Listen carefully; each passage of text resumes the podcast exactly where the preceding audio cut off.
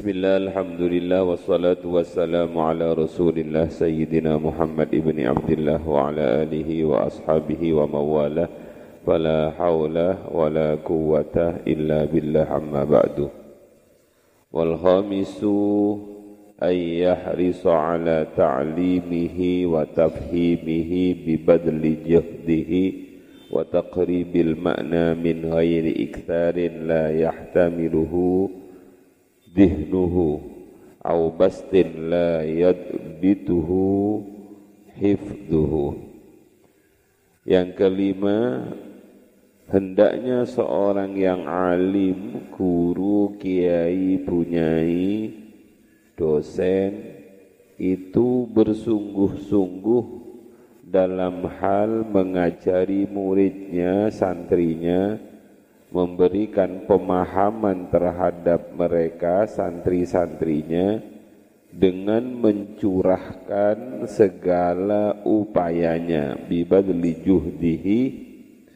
Yang kedua wa taqribil makna min ghairi iktsarin menyederhanakan maksud dari pelajaran tanpa memper, memperluas keterangan di mana sekiranya la yahtamiluhu dihnuhu hati dari murid itu tidak akan mampu kalau diuraikan panjang lebar.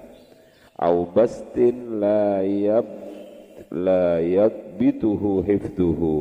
Demikian juga kalau dijelaskan secara lebar komprehensif maka sang murid tidak akan mampu atau sukar menghafalkannya. Wa yudhihu li mutawakkifid dhihni al-ibara fihi. Wa yudhihu lan nerangake sapa alim. Li mutawakkifid dhihni marang wong kang kandek atini al-ibarata ing ibarat fihi ing dalem makna wa yahtasibulan amrih ganjaran sopo alim i'adat syarhi ing i'adat syarhi ing baleni menjelaskan lahu marang murid. Wa tiqrarihi lan bolan wa tiqrarahu lan bolan baleni syarhi seorang guru hendaknya menjelaskan sesuatu ibarat terhadap santri yang santri itu masih sulit hatinya untuk memahaminya. Tujuan dari menjelaskannya itu adalah semata-mata mengharap ridho pahala dari Allah Subhanahu wa taala.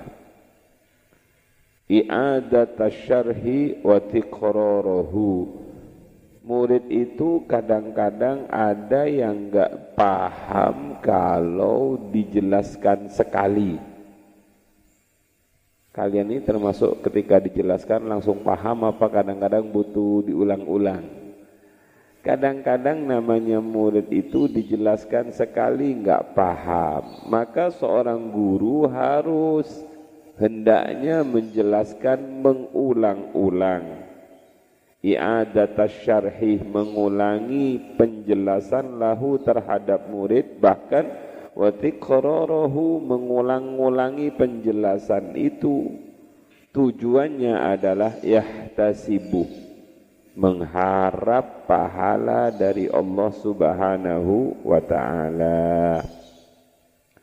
Wa yabda'uhu bitaswiril masail wa yabda'u lan ngawiti sapa alim hu ing murid. Bitaswiril masaili masa ini menjadi tetap kembali munsorif karena kemasukan al. Bitaswiril masaili kelawan bitaswiril masaili kelawan nyurahake atau bitaswiril masaili kelawan nggambarake piro-piro masalah wa yudhihuhu wa yudhihu lan nerangake sapa alim hu ing murid ha, ha ing masalah bil amsilati kelawan piro-piro contoh. Wa dzikrid dalaili lan nuturake piro-piro dalil. Selanjutnya seorang guru, seorang alim, seorang kiai, bunyai itu hendaknya memulai memulai menggambar masalah, ada gambaran masalah. Kalau dalam bahasa buat paper itu adalah gambaran judul, gambaran masalah. Nanti yang akan kita bahas masalahnya ini, ini, ini. Kemudian yudhihuha bil amsilah. Setiap masalah itu dijelaskan dengan mendatangkan contoh contoh. Wa eh, wa dzikrul eh, wa dzikru wa dzikril wa dzikrid dalail dan menyebut dalil-dalil dari masalah itu. Contoh yang membatalkan wudhu itu adalah bersentuhan dengan selain jenis. Nah, jelaskan apa yang dimaksud bersentuhan dengan selain jenis itu? Bersentuhan dengan selain mahram bukan selain jenis selain mahram. Dan persentuhannya itu tidak dihalangi. Misalnya contohkan kamu bersentuhan dengan kawanmu kawanmu itu bukan saudara perempuanmu itu wudukmu batal Nah, itu namanya menjelaskan. Kemudian kamu datangkan dalilnya di antara yang membatalkan wudhu itu adalah lamastumun nisa. Itu namanya menjelaskan secara jelentreh ditutup dengan dalil. Nah, itu namanya ngajar ngajar santri. Terus wayak tasiru lan ngering kesopo alim ala taswiril mas'alati ingatasi gambar ake masalah wa lan gawe contoh masalah liman marang wong lam yata'ahhal kang ora ahli sopoman lifahmi ma'khudhiha lifahmi ma'khudhiha. Marang memahami nggon ngalapi masalah wa daliliha lan dalil dalili masalah. Wa yadhkuru lan nutur sapa alim al adillata ing pira-pira dalil. Wal ma'khadalan gon ngalapi dalil. Li muhtamiliha marang wong kang nanggung marang wong kang nanggung adillah wal ma'khad murid itu ada yang mudah paham ada yang susah paham. Itu pasti terjadi kalau kalian ngajar-ngajar dunia kan begitu kan. Ada yang cepat paham, ada yang setengah cepat, ada yang lambat, ada yang nggak paham-paham. Nah, jangan ditinggal yang nggak paham-paham dan jangan terlalu memperhatikan yang nggak paham nggak paham kasihan yang sudah paham. Maka bagi mereka yang cepat paham itu kamu jelaskan sedikit sudah paham. Sudah beri tugas yang lain dia. Tapi bagi santri yang nggak paham-paham itu, kamu jelaskan ini diambil dalilnya dari sini, kitabnya dalilnya begini, ini dalilnya, ini tempat ngambil dalilnya, ini cara menggali dalilnya, masalah ini disamakan dengan masalah ini. Itu namanya uh, bahas tentang ilmu yang diberikan kepada santri melihat kemampuan pemahaman santri. Lanjut. Wa yubayyinu lan jelasake sapa alim lahu marang murid ma'aniya asrari hikamiha.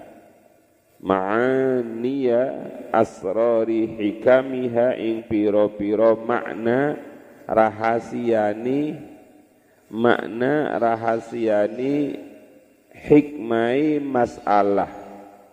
Hikmai masalah wa ilaliha lan illati masalah. Wa malan perkara-perkara ya ta'allaku kang berhubungan apa kal mas'alati kelawan mengkunu mengkunu masalah. Min far'in saking cabang wa aslin lan asal atau pokok Selanjutnya yang harus dilakukan seorang guru terhadap muridnya setelah paham muridnya itu jangan berhenti. Sebab setiap hukum itu ada yang disebut hikmah asror ada yang disebut ilat. Ilat itu sebab. Ilat itu sebab hikmah itu lebih dalam dibandingkan ilat. Misalnya, kenapa warisan itu dua banding satu terhadap perempuan dan laki-laki? Lizzakari mislu habdil unsayain. Kamu jelaskan hikmah dari Allah membagi dua banding satu. Hikmahnya ini, ini, ini, ini. Ingat hikmahnya itu enggak kamu karang. Tapi hikmahnya itu kamu baca dari kitab. Alasannya, sebabnya ini, ini, ini. Itu kamu jelaskan dan kamu nggak mungkin bisa menjelaskan anak-anakku kalau kamu nggak banyak membaca. Harus kamu pelajari. Ais.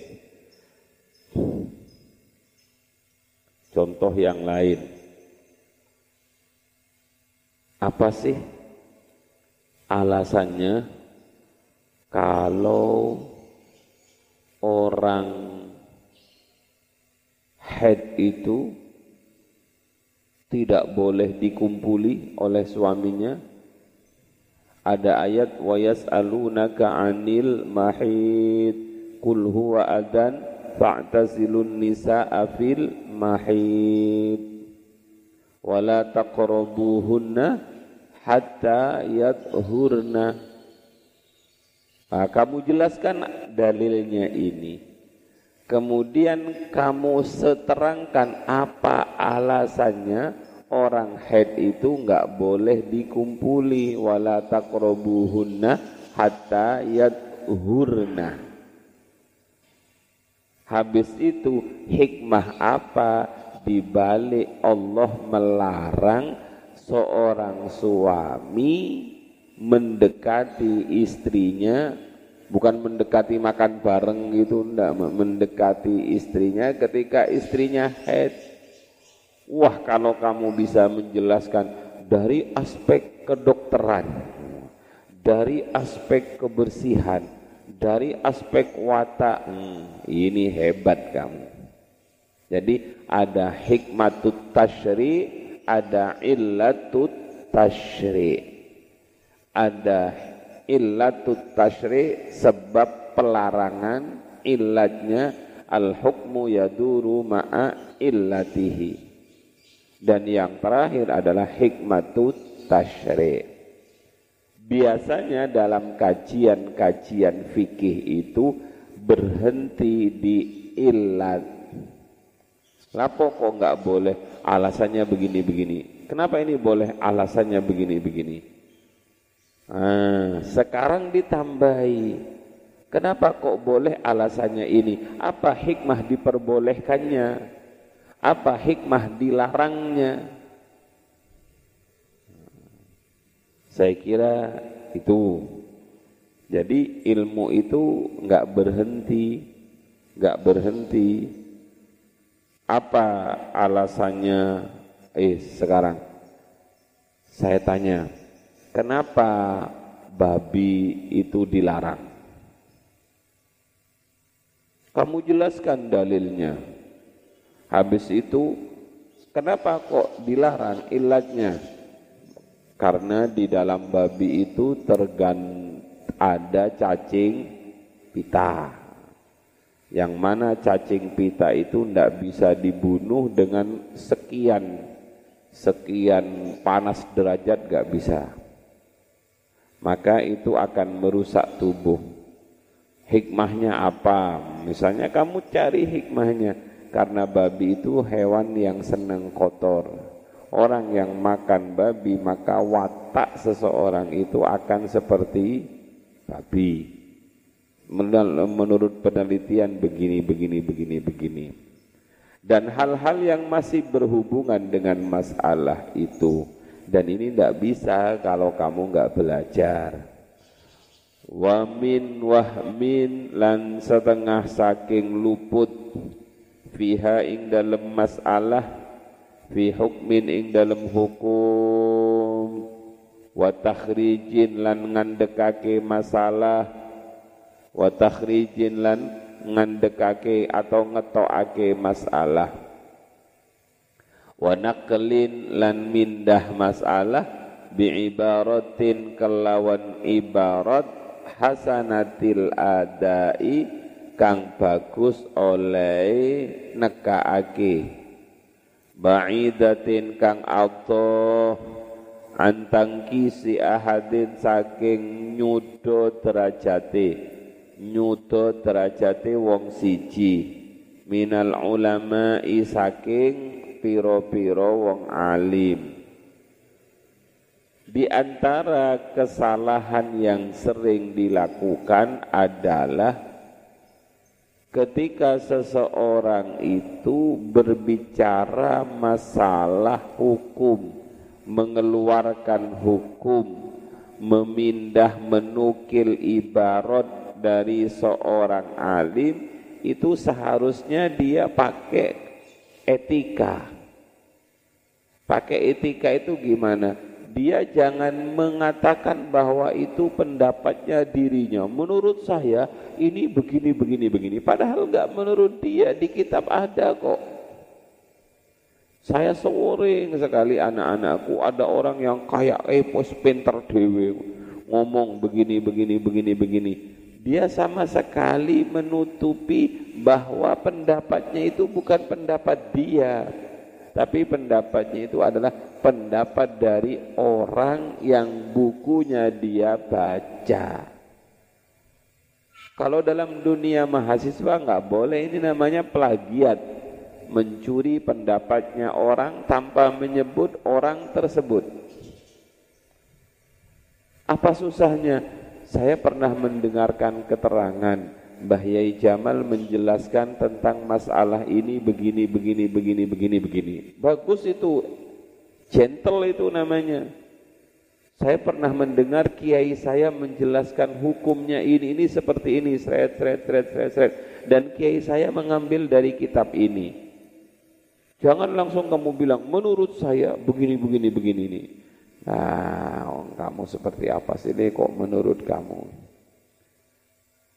Kesalahan yang lain adalah ketika seseorang tidak sama tidak sama pendapatnya dengan orang lain, tidak perlu menjelekkan orang lain. Hada ini pendapatku, kamu juga pendapat punya pendapat. Lah Kalau pendapatmu lebih benar, ambil pendapatmu. Kalau pendapat saya lebih benar, maka ambil pendapat saya. Lah kadang-kadang yang terjadi adalah menjatuhkan tangkisi ahadin minal ulama merendahkan ulama oh, ulama itu cari ini ini ini ini ini ini jangan jangan ya. Harus pakai totok romo contoh sederhana. Suatu saat Mbah Yai Nasir itu ketika mau haji dikasih tahu oleh gurunya di mana gurunya itu adalah kakak iparnya sendiri yang bernama Mbah Yai Sahal Mahfud. Apa katanya Mbah Yai Sahal Mahfud? Kok nih sampean haji ojo merasa kamu wis paham semuanya kamu akan menjumpai praktek-praktek manasik haji yang mungkin berbeda dengan yang kamu pelajari, yang kamu baca. Maka kamu langsung bilang, ini karena saya belum paham. Karena ilmu pendapat itu banyak. Makanya Paman Dayai Nasir itu berkata kepada saya ketika saya mau haji itu, untung dek saya sudah dibekali oleh Pak D Sahal. Kenapa? Jangan gampang menyalahkan prakteknya seseorang yang tidak sama dengan kita karena mereka punya pendapat. Ada kejadian, waktu itu saya sedang nunggu waktu sholat di Masjidil Haram. Eh tiba-tiba ada orang keluar dari cedeng itu enggak cuci kaki. Lah najis kabeh pendapat saya. Eh ternyata dia punya madhab yang lain. Saya baru tahu. Jadi kalau kamu menjumpai sesuatu yang berbeda dengan ilmumu, jangan kamu menjelek-jelekkan orang itu karena bisa saja, mungkin saja ilmumu yang belum nutut. Pelajaranmu yang belum sam sampai. Apalagi kamu menjelek-jelekkan pendapat orang tersebut. Dan ini kan pernah terjadi kan anak-anakku apa itu? Seorang tokoh Alfia yang bernama Ibnu Malik mengatakan bahwa nahwu yang dia karang itu fa'i kota Alfia Ibni Mukti kan. Oh ini nahwu ya. Ini lebih jos dibandingkan kitabnya Ibnu Mukti. Padahal yang dibilangi Kak Jos itu sudah wafat. Maka ketika beliau menulis itu, beliau berhenti, hilang ilmunya. Gak bisa meneruskan. Jadi kadang-kadang orang itu ilmunya gak jalan, mergo ada gak jalan. Terutama adab kepada para orang alim sebe sebelumnya. Langsung berhenti, gak bisa nak, gak bisa meneruskan di, dihilangkan oleh Allah ilmunya. Akhirnya beliau beristighfar, kemudian beliau memohon maaf dan datanglah uh, Ibnu Mukti dalam mimpinya. Kamu bilang begitu itu karena saya sudah mati, coba saya hidup, saya iso debat ambek sampean. Eh pokoknya intinya jangan pernah me mengurangi kehormatan ulama yang lain. Boleh berdebat kamu, boleh kamu berbeda pendapat, tapi kamu harus tetap menghargai perbedaan pendapat itu. Jangan melecehkan ulama. Sebab al-ulama warasatul anbiya. Wa yaksidu lan najjo alim bibayani dzalikal wahmi bibayani dzalikal wahmi kelawan jelasake mengkunu-mengkunu kesalahpahaman an nasihata ing ngarepake bagus wa ta'rifan nukuli lan meruhake pira-pira nukilan as-sahihati kang sahih. Tapi bukan berarti kalau ada pendapat yang enggak benar itu kamu biarkan. Kalau kamu yakin pendapat itu salah karena semua orang itu mahallul khoto' wan nisyan, maka kamu dengan sopan, dengan santun, dengan adab kamu harus menjelaskan kesalahpahaman tersebut.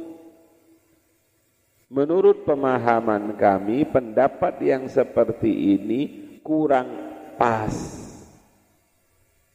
kamu kemudian menjelaskan kesalahpahamannya di mana sambil kamu memberitahukan kepada murid-muridmu tentang nukilan yang benar.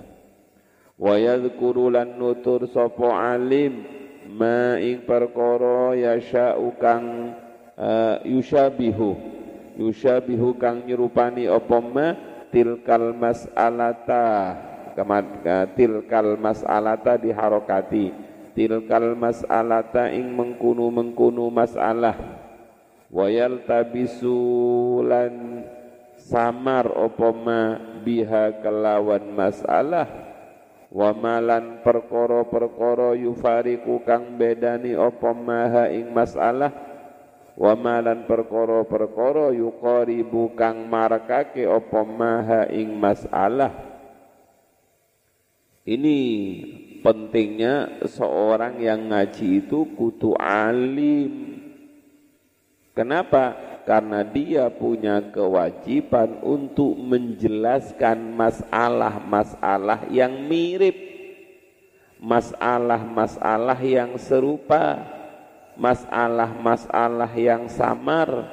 Di mana letak kesamaannya di mana letak perbedaannya. Jadi harus teliti betul apalagi ini masalah hu hukum.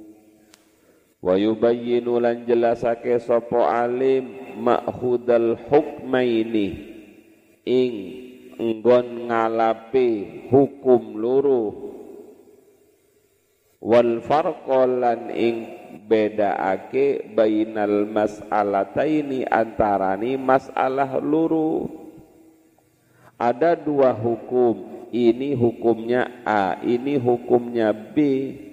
Kamu sebagai seorang guru harus hendaknya menjelaskan mana hukum A ini pengambilannya dari kitab ini. Hukum yang B ini pengambilannya dari kitab ini. Alasannya ini yang ini alasannya ini. Sisi perbedaan dua masalah ini letaknya di sini wala yamtani ulan orang nyegah sopo alim min zikri lafdotin saking nyebut lafat yustahya kang din anggap isin sapa man wong zakaro kang nutur zakaro zakaro kang nutur ha ing lafdhah adatan ing dalam adate. In ihtaja in in in in ikhti in ikhtija in ikhtija lamun din ikhtija lamun din butuhake opo ilaiha marang lafdhah walam yatim mulan ora walam yatim mulan ora sempurno opo atau dihu penjelasan atau nerangake illa bidzikriha kejaba nutur illa bidzikriha kejaba nutur lafdhah jadi ada kata-kata yang secara adat itu gak pantas. Gak pantas diucapkan, tabu disampaikan.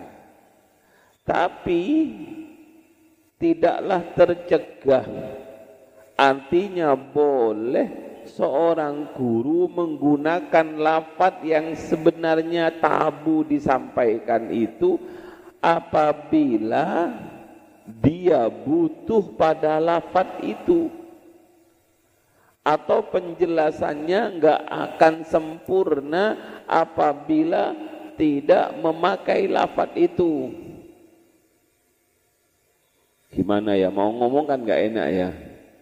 Hmm, ada yang disebut dengan kulfah. Kulfah. Apa kulfah itu? Helm uh, arek cilik yang baru sunat itu kan di depannya ono helme, paham ya? Ono helme. Oh. Mau jelaskan ini helm. Santri-santri juga paham lapo ya ikut jelas-jelaskan helm nang kene. Enggak apa-apa kamu gambar sekalian gitu kalau perlu set iku lo. Tapi kamu ini miliknya adikmu yang baru sunat. Ojo mikir miliknya wong gede. Nah, ini ini namanya helm ini namanya istilahnya ini. Lah seandainya ini sudah masuk ke gua, lah apa helm kok masuk ke gua? Nah, uh, intip-intip saja. Uh, intip seorang suami maksudnya seorang suami ngintip saja salaman saja dengan guanya nggak sampai masuk kemudian assalamualaikum mundur lagi kira-kira sudah harus sudah harus mandi apa enggak itu yang disebut kalau kamu mau menjelaskan iltikoul khitana ini. Ketemunya sunatan luru. Nah, gak apa-apa. Demi menjelaskan hukum sesuatu yang tabu di mana kalau tanpa menjelaskan itu tidak akan sempurna keterangan, kamu jelaskan saja. Tapi tentu dengan mimik yang tidak jorok kan bisa kan mimik yang tidak porno ketika seorang perempuan makanya saya bilang perempuan-perempuan itu harus alim. Karena menjelaskan tentang masalah haid itu lebih pas kalau dijelaskan oleh perempuan. Maka bagaimana sih Bu Bu Nyai? Kalau kiai ditanya bagaimana sih Pak Yai prakteknya bisa mengetahui kalau darah kita itu berhenti atau tidak. Mu praktekannya kan harus duduk di atas baskom, kemudian diteloi lewat air. Angil kamu kalau kamu menjelaskan itu di depan perempuan kamu serba risih. Nah, untuk hal-hal seperti ini apabila perempuan itu hebat maka lebih pas apabila dijelaskan oleh perempuan perempuan dan nggak perlu merasa ewuh pakewuh dalam urusan ilmu. Sebagaimana yang saya terangkan tadi malam Ummu Salamah datang kepada Nabi wahai Rasulullah kalau seorang perempuan mimpi semalam kemudian ketika bangun dia melihat uh, basah basah pakaiannya apakah dia wajib mimpi Eh, apakah dia wajib mandi? Iya, kalau dia keluar harus dia mandi kata Kanjeng Nabi. Kemudian diteruskan, apakah perempuan itu keluar mani ya Rasul? Lah kalau perempuan keluar gak keluar mani, bagaimana seseorang bisa serupa dengan ibunya? Kata Rasulullah. Lah hal-hal seperti ini boleh diterangkan apabila sangat dibutuhkan dan keterangan itu tidak bisa jelas tanpa menggunakan lafat yang tabu ini. Sudah. Tapi fa in kanat muqalamun ono opo al kinayatu lafat kinayah sindiran iku tufidu awe faedah opo kinayah maknaha ing maknani maknaha ing maknani lafdhah wa tahassalalan hasil apa kinayah? Muktadaha ingkang din maksukate lafdhah tahsilan kelawan hasil temenan. Bayinan tur pertelo lam yusarrih bongko orang jelasake sopo alim bidzikriha kelawan nutur lafdhah bal yaktafi balik balik ngalap cukup sopo alim bil kinayati kelawan sindiran anha saking lafdhah apa maksudnya nak? Tapi sekiranya dengan kata-kata sindiran, dengan kata-kata kinayah, itu sudah bisa memahamkan murid tanpa menggunakan lafat-lafat yang tabu itu muridmu sudah paham, maka ya sudah cukup dengan kinayah itu. Ada seorang kiai ditanya, enggak enak lah kalau seorang kiai, ada seorang guru ditanya, kenapa ketika wudhu yang kentut itu pantat, wudhu batal, yang dibasuh kok bukan pantat tapi wajah. Nah, Kamu menjelaskannya gak usah terlalu gamblang kamu. Sini sini sini sini. Dicubitlah murid yang takut itu. Cit. Begitu dicubit jadi aduh sakit. Lo yang saya cubit pundaknya kok yang bunyi mulutnya. Nah, itu namanya. Seharusnya pundaknya juga yang bunyi. Sebab isinya orang kentut itu ada yang ngomong isinya orang kentut itu bukan pantatnya yang isin. Maka ketika orang kentut itu saking malunya pantatnya kemudian ditutupi, ndak wajahnya yang ditutupi, wajahnya yang memerah. Nah, kalau kira-kira dengan penjelasan-penjelasan yang seperti itu sudah cukup, ya cukup, gak usah terlalu memakai kata-kata yang tabu. Sebab nanti kamu akan terkenal sebagai kiai tabu. Aku seneng ngaji niki itu, pasti nyerempet-nyerempet porno-porno itu. Pokok ini ingin mendapatkan penjelasan tentang porno ngaji nang kono. Ya, nanti kamu terkenal itunya. Jadi kalau butuh betul-betul butuh nggak bisa dipahami kecuali dengan lafat itu pakai saja. Tapi kalau sekiranya masih bisa memakai lafat lain dan dipahami, maka pakailah lafat-lafat yang sopan, yang santun.